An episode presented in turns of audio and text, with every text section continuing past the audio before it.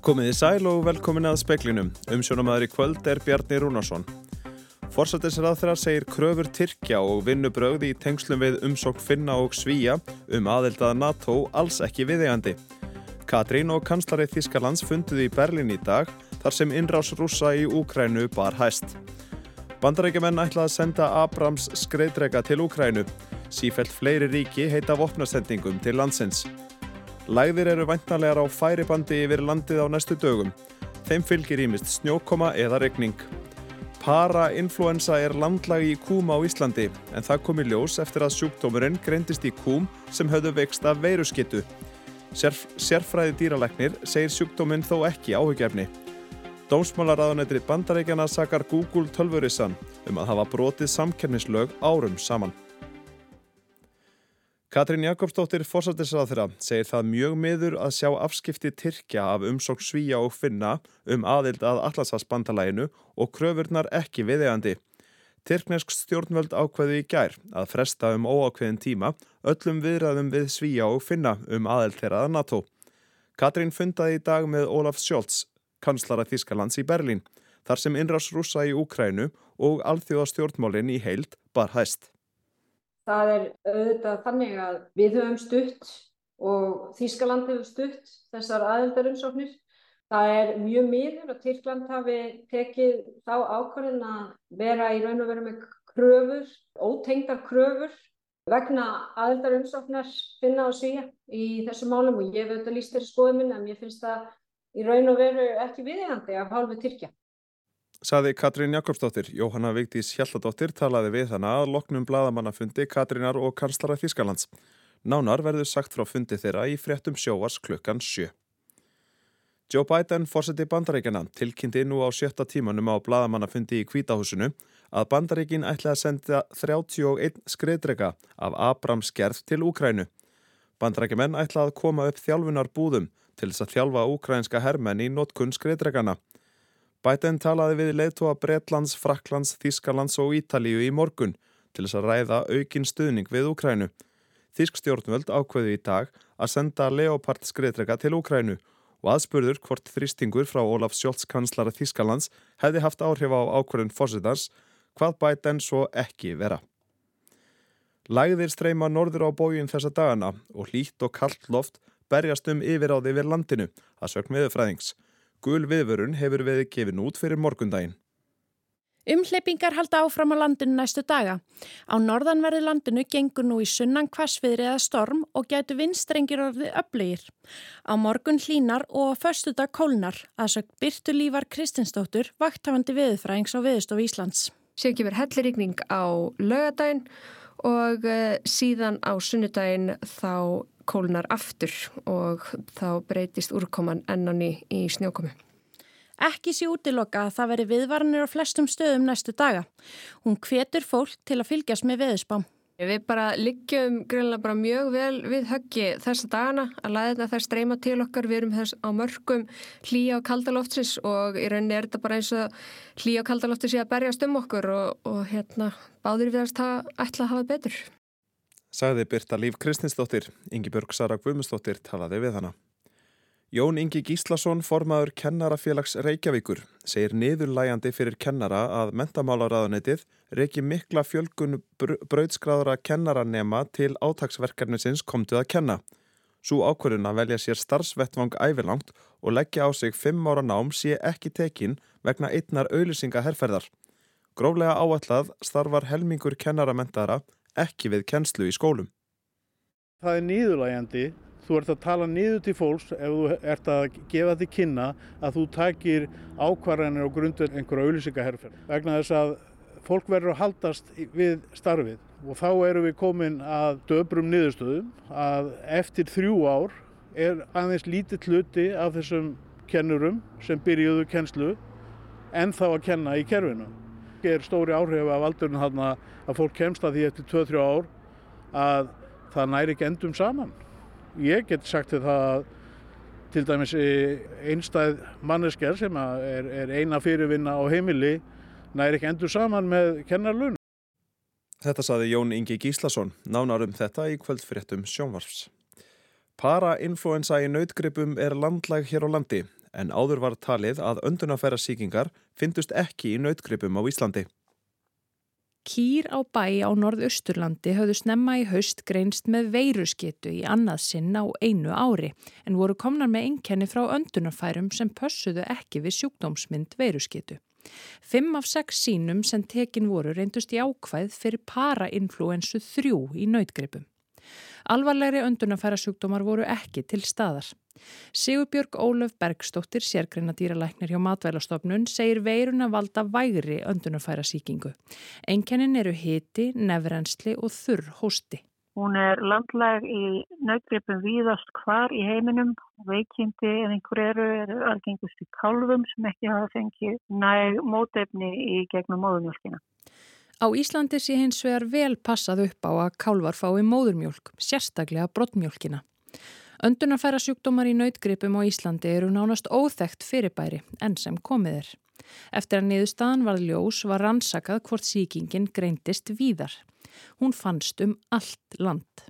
Þannig við lítum svo á að þessi síking sé útbreyta á Íslandi rétt eins og allstaðar annar staðar og hún er ekki að valda vandræðin ekki að valda sjúkdómum í nautgripum á Íslandi almennt. Sýkingin verðist hafa náð sér á stryk á bænum vegna þess hver alvarlega veikar kýrtnar urðu af veirusketu. Þar hafi því verið móttækilegri fyrir vægum veirusýkingum. Kýrtnar jöfnuðu sig allar á tiltölulega skömmum tíma og hafa ekki sínt enkenni síðan. Ekki er vitað hvenar sýkingin barst til landsins en Sigurbjörg segi sjúkdómin ekki áhyggjuefni. Nei, þetta er ekkit neitt að hafa ágjörð. Saði Sigurbjörg Ólöf Bergstóttir. Gunnhildur Kjærólf Birgistóttir talaði við hana. Fyrir um kickboksarin Andrew Tate hveðst saklaus af ásökunum í sinn garð og segir saksóknara í Rúmeníu ekki búa yfir neinum margtækum sönnunargögnum gegn sér. Tate var handtekinn af lauruglu í Rúmeníu í tengslu við rannsókn á meintu mansali og nöðgun. Hann hefur verið í haldi lauruglu frá 29. desember á samt bróður sínum og tveimur rúmenskum konum. Tate var í síðustu viku úrskurðaður, úrskurðaður í áframhaldandi gæsluvarðhald til 27. februar.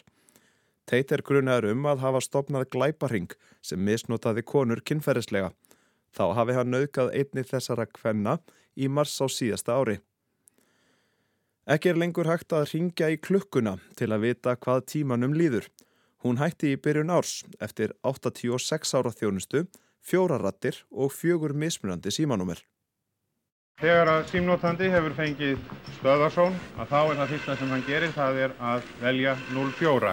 14, 44, 30. Svona lísti Sverrir Skarpjensson yfir símvirkja verkstjóri hjá Posti og Síma þjónustunni árið 1967.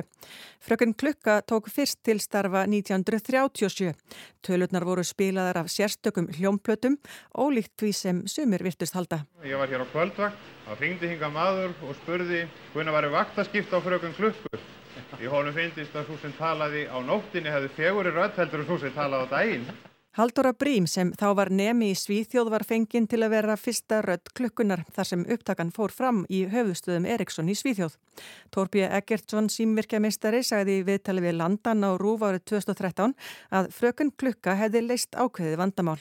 Reykvíkingar ringdu alltaf í laurugluna, slökkuliði, langlínuna í úrsmiði til að vita hvað rétt klukka væri. Árið 1963 var skipt um talvél og þá tók leikkonan Sigriður Hagalín við að segja Íslendingum hvað tímanum leið. 30 árum síðar var aftur skipt um rött og árið 2013 varð frökun klukka herra Frökun klukka las upphátt á tíu sekundna fresti allan sólarhingin, hvort sem einhver var að hlusta eða ekki. Það breyttist árið 1993 þegar frökuninni var komið á stafrænt form, líkt og greint var frá í sjómasfrettum rúf. Landsmenn nota þessa þjónustu pós og síma mjög mikið en um 5.000 manns ringja daglega í 04. En það er af sem áður var. Þörfin fyrir þjónustuna hefur minkað með tilkomu nýrartækni og frökun klukka hefur sagt sína hinstu stund. 14, 44, 30. Þetta var fröken klukka, Alma Ómarsdóttir tók saman.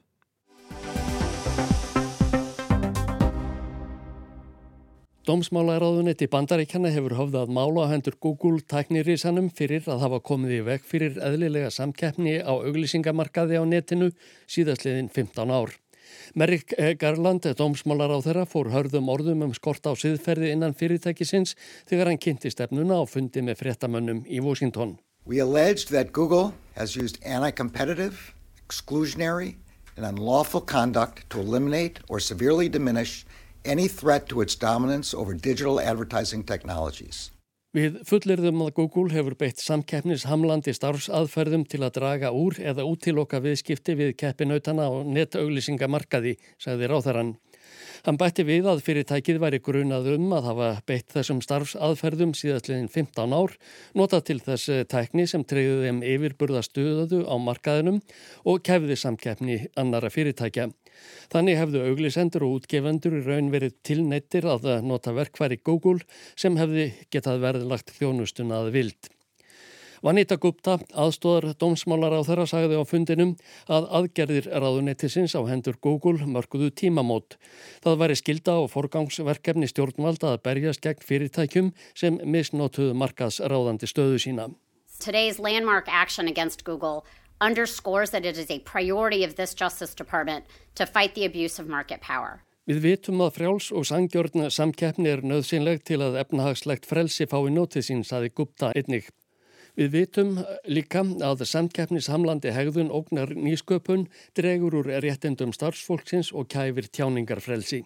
We know that free and fair competition is essential to economic freedom. And we know that anti-competitive conduct threatens innovation, weakens workers' rights and stifles free expression. Vanita Gupta bætti við að þegar fyrirtæki og þar með talin stór fyrirtæki á tæknisviðinu breytu gegn samkeppnislögunum, bytnaði það á hagkerfinu og ógnaði líðræði. Hún sagði að bandarækjumenn treystu á neti til að fylgjast með fréttum og samfélagsmálefnum.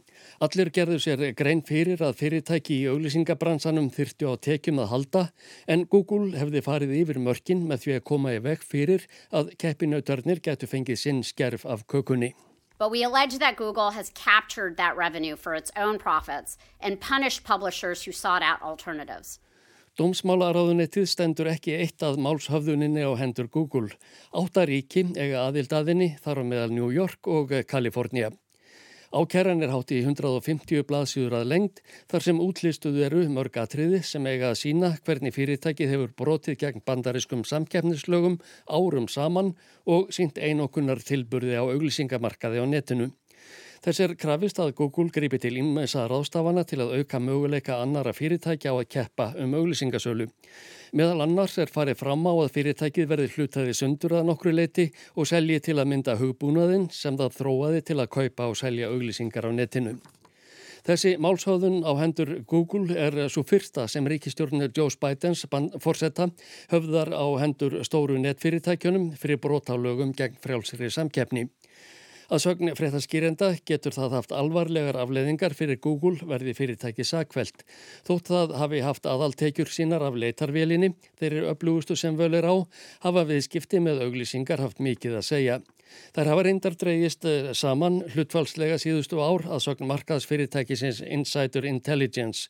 Þær voru 36,7% af heldartekjunum árið 2016 en voru 28,8% í fyrra. Google var einnig á kjart í tíði Donalds Trumps fyrirverandi fórsetta. Þar er þess krafist að fyrirtæki gefi öðrum tækni fyrirtækjum kost á að ebla leitarvélar sínar á netinu. Svo ákjara verður tekin fyrir í september. Að auki hefur Google verið ákjart fyrir brot á samkeppnislögum í Evrópusambandsríkjum, Breitlandi og á Indlandi. Til viðbótar við allar þessar ákjærur verðurst verað harna á dalnum hjá Google. Á fyrstu dag tilkynnti Alphabet, móðurfélag fyrirtækisins, að tilstæði að segja upp 12.000 starfsmönnum viða um heim, þar á meðal verkfræðingum og starfsfólki í framleiðslu og mannuðsteildum. Fleiri risastór netto-tækni fyrirtæki hafa þurft að draga saman seglin á síðustu vikum. Microsoft bóðaði í síðustu viku að fækkaðirði um 10.000 manns í starfsliðinu og síðasta haust tilkynnti Meta, eigandi Facebook, Instagram og WhatsApp að 11.000 yrði sagt upp.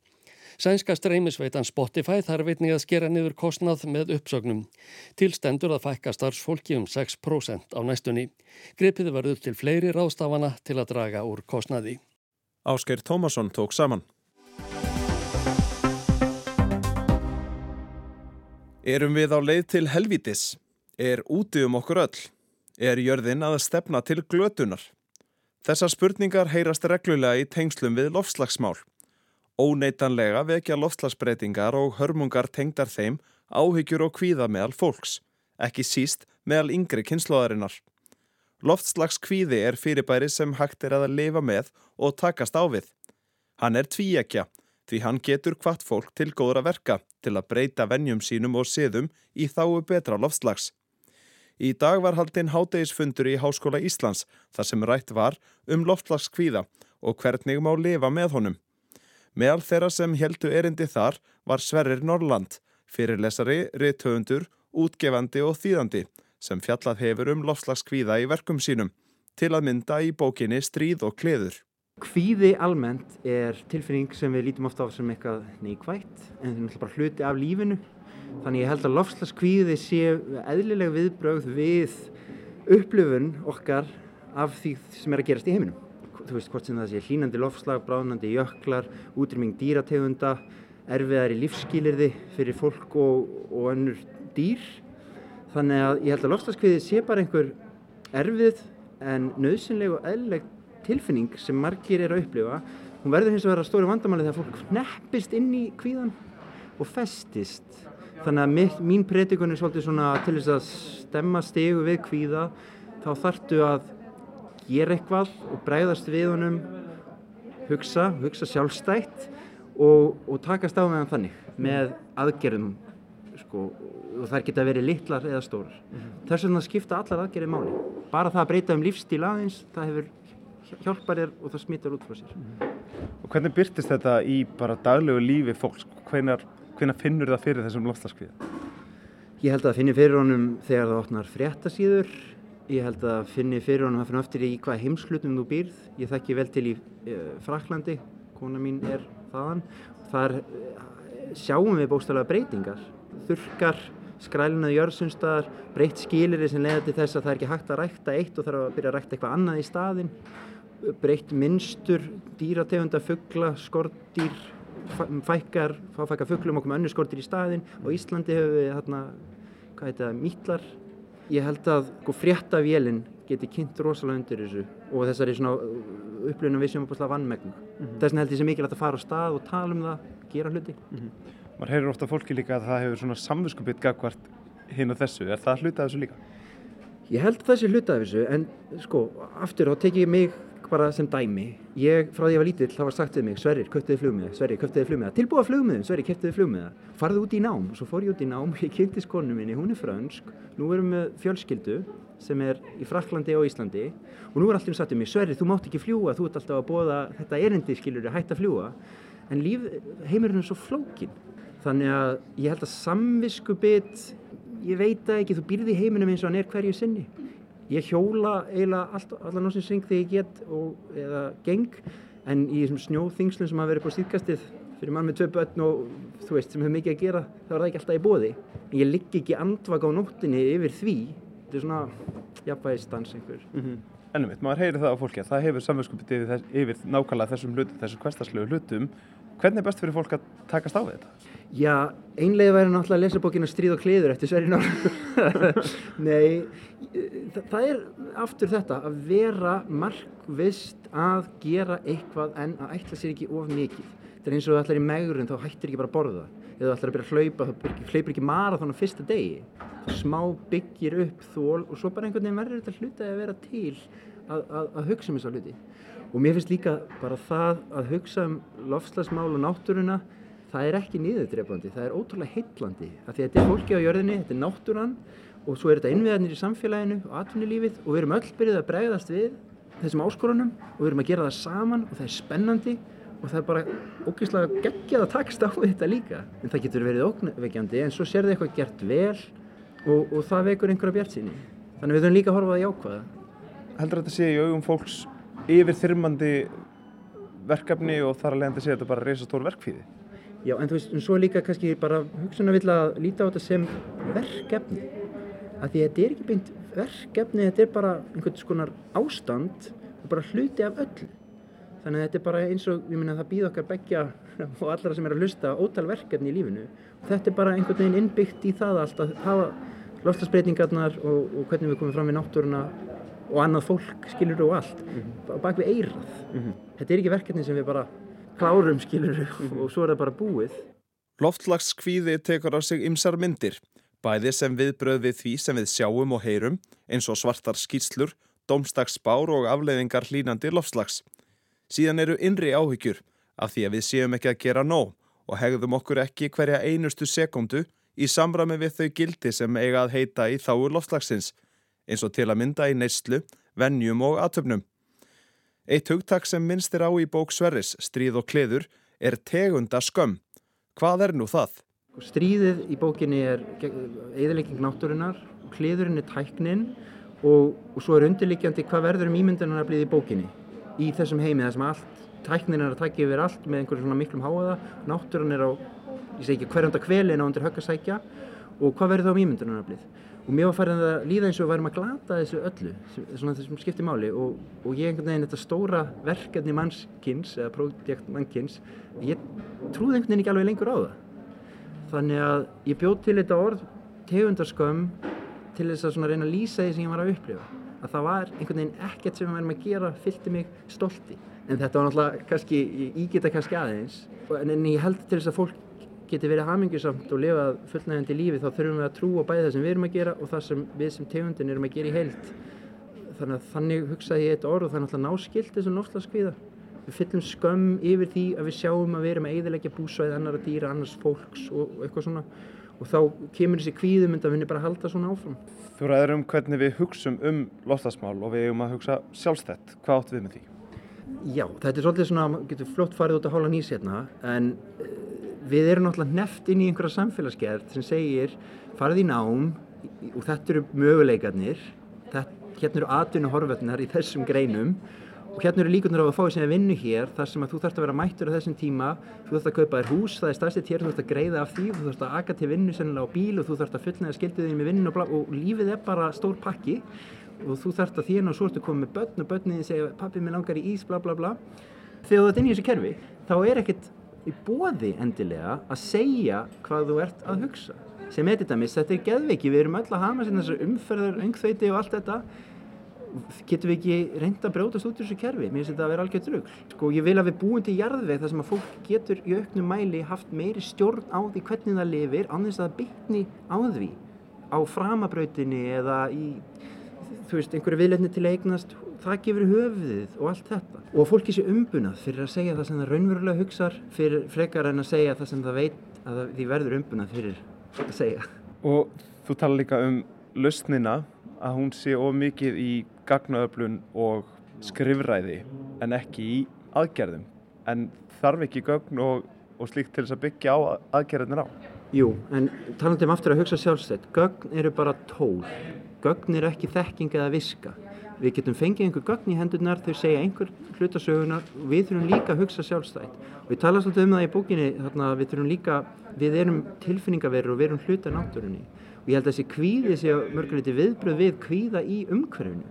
Það er eitthvað að gerast í náttúrunni og við skinnjum það. Svo er gott að afla gagna alltaf staðfesta hvernig okkur líður en við hefum ekki heldur vannmeta innsæð þannig ég er svolítið mikið alltaf að hugsa um það og mér það er rosalega mikil áhersla á gögn í dag að því það er að selja þau og reyka fyrirtæki sem byggjast á gagna söpnun og það er bara jákvægt en við megum ekki gleyma því að hugsa líka sjálfstætt og gera það sem að menn gera best.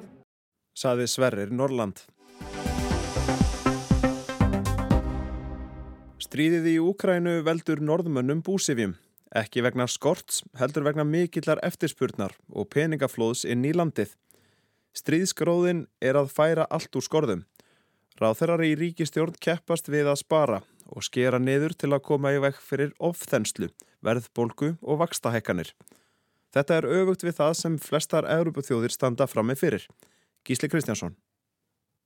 Tvent veldur öllu þessu krepputali og niðurskurðar. Annars verður telja fræðimenn að of langt hafi verið gengið í mótvæðis aðgerðum vegna pestarinnar af völdum COVID-19. Þetta á ekki bara við um yfirvöld heldur einni kaup glaðan almenning. Hins vegar er stríðið í Úkrænu.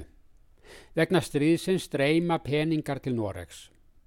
Þetta er vegna þess að öll orka, bæði raforka sem og gas og olja hefur hækkað verulegi verði við innrás rúsa í Úkrænu. Noregur er vel tengtur við raforkukerfi Evrópu og hefur getað selt rafmagn sitt á mjög góðu verði. Þetta veldur því að í orkugeiranum flýtur yfir barma á öllum koppum og kyrnum af peningum. Mótvægið er að skera nýður, loka stopnunum, fækka fæðingadeildum, spara og spara og hætta við framkvæmdir.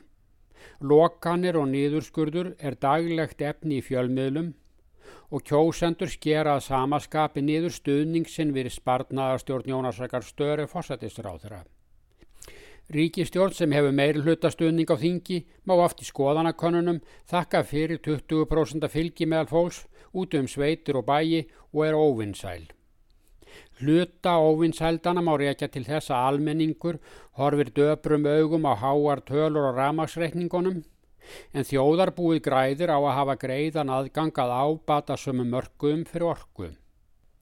Það er engin gróði í að einangra sig frá markaðnum og gefa almenningi rafmagna undirverði. Noregur hefur einni geta fyllt ólíutunnur og gastgúta þar sem rússar buðu best áður. Evrópu þjóður er í óða önnar júfa tengslinn við rúsneska orkumarkaðin, einn stöð er annars brauð og norsk ólí og gas hefur bjargað Evrópubúum frá kulda og bensínleysi í vetur. Það eigur líka of þenslu í Noregi og ríkistjórnin bóðar nýðurskurð á móti. Það er óvinnsælt.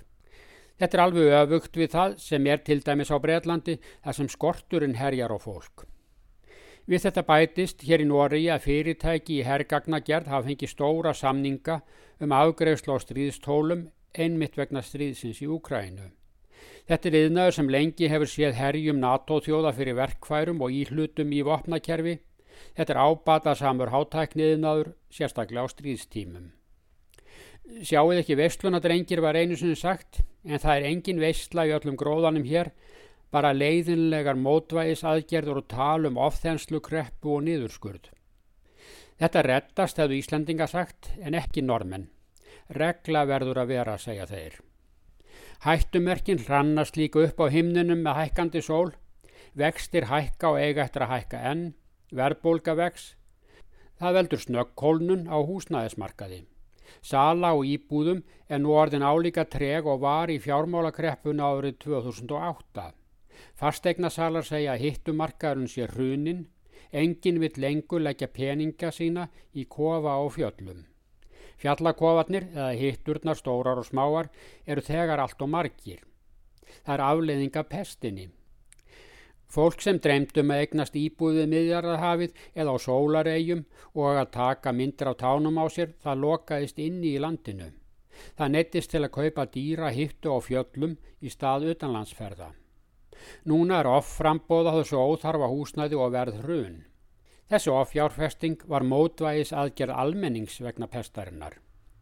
Mótvægis aðgerði stjórnvalda vegna pestarinnar sæta einni gaggríni. Hagfræðingar segja að of miklu fjö hafi verið dælt inn í hagkerfið til að koma í veg fyrir samdrátt á tímum pestarinnar. Flugfélögum var bjargað og fyrirtæki fengu pestar uppbót úr ólíusjónum. Þetta hefnir sín núna og veldur verðbolgu og enn hækkandi vöxtum og enn meira kreputali. Það var helst í speiklunum í kvöld að fósættisrað þeirra segir kröfur Tyrkja og vinnubröð í tengslum við umsókn Finna og Svíja um aðildaða NATO alls ekki viðegandi. Bandaríkjumenn ætlaði að senda Abrams skreiðdrega til Úkrænu. Sífælt fleiri ríki heita vopnasendingum til landsins. Læðir eru væntanlegar á færibandi yfir landið á næstu dögum. Þeim fylgir ímist snjókoma eða regning. Parainfluensa er landlag í kúm á Íslandi. Það komi ljós eftir að sjúkdómurinn greindist í kúm sem höfðu vext af veiruskittu. Sérfræði dýralagnir segir sjúkdóminn þó ekki áhugjefni. Lítum þá aðeins nána til veðus. Það er gul viðvörun sem tekur gildi á morgun á norðanverðu landinu, vestfjörðum og miðhálendinu vegna kvassviðris eða storms. Spáð er sunnan og síðan suðvestan kvassviðri eða stormi 15 til 28 metrum á sekundu. Búast má við mjög snörpum vindkjöfum við fjöll og á heiðum. Staðbundið yfir 30 metra á sekundu og á miðhálendinu fer vindurinn yfir 40 metra á sekundu. Það er ekki fleira í speiklinum í kvöld, tæknum að var Mark Eldredd, frétta átsendingu stjórnaði Valgerður Þorsteinsdóttir. Verðið sæl.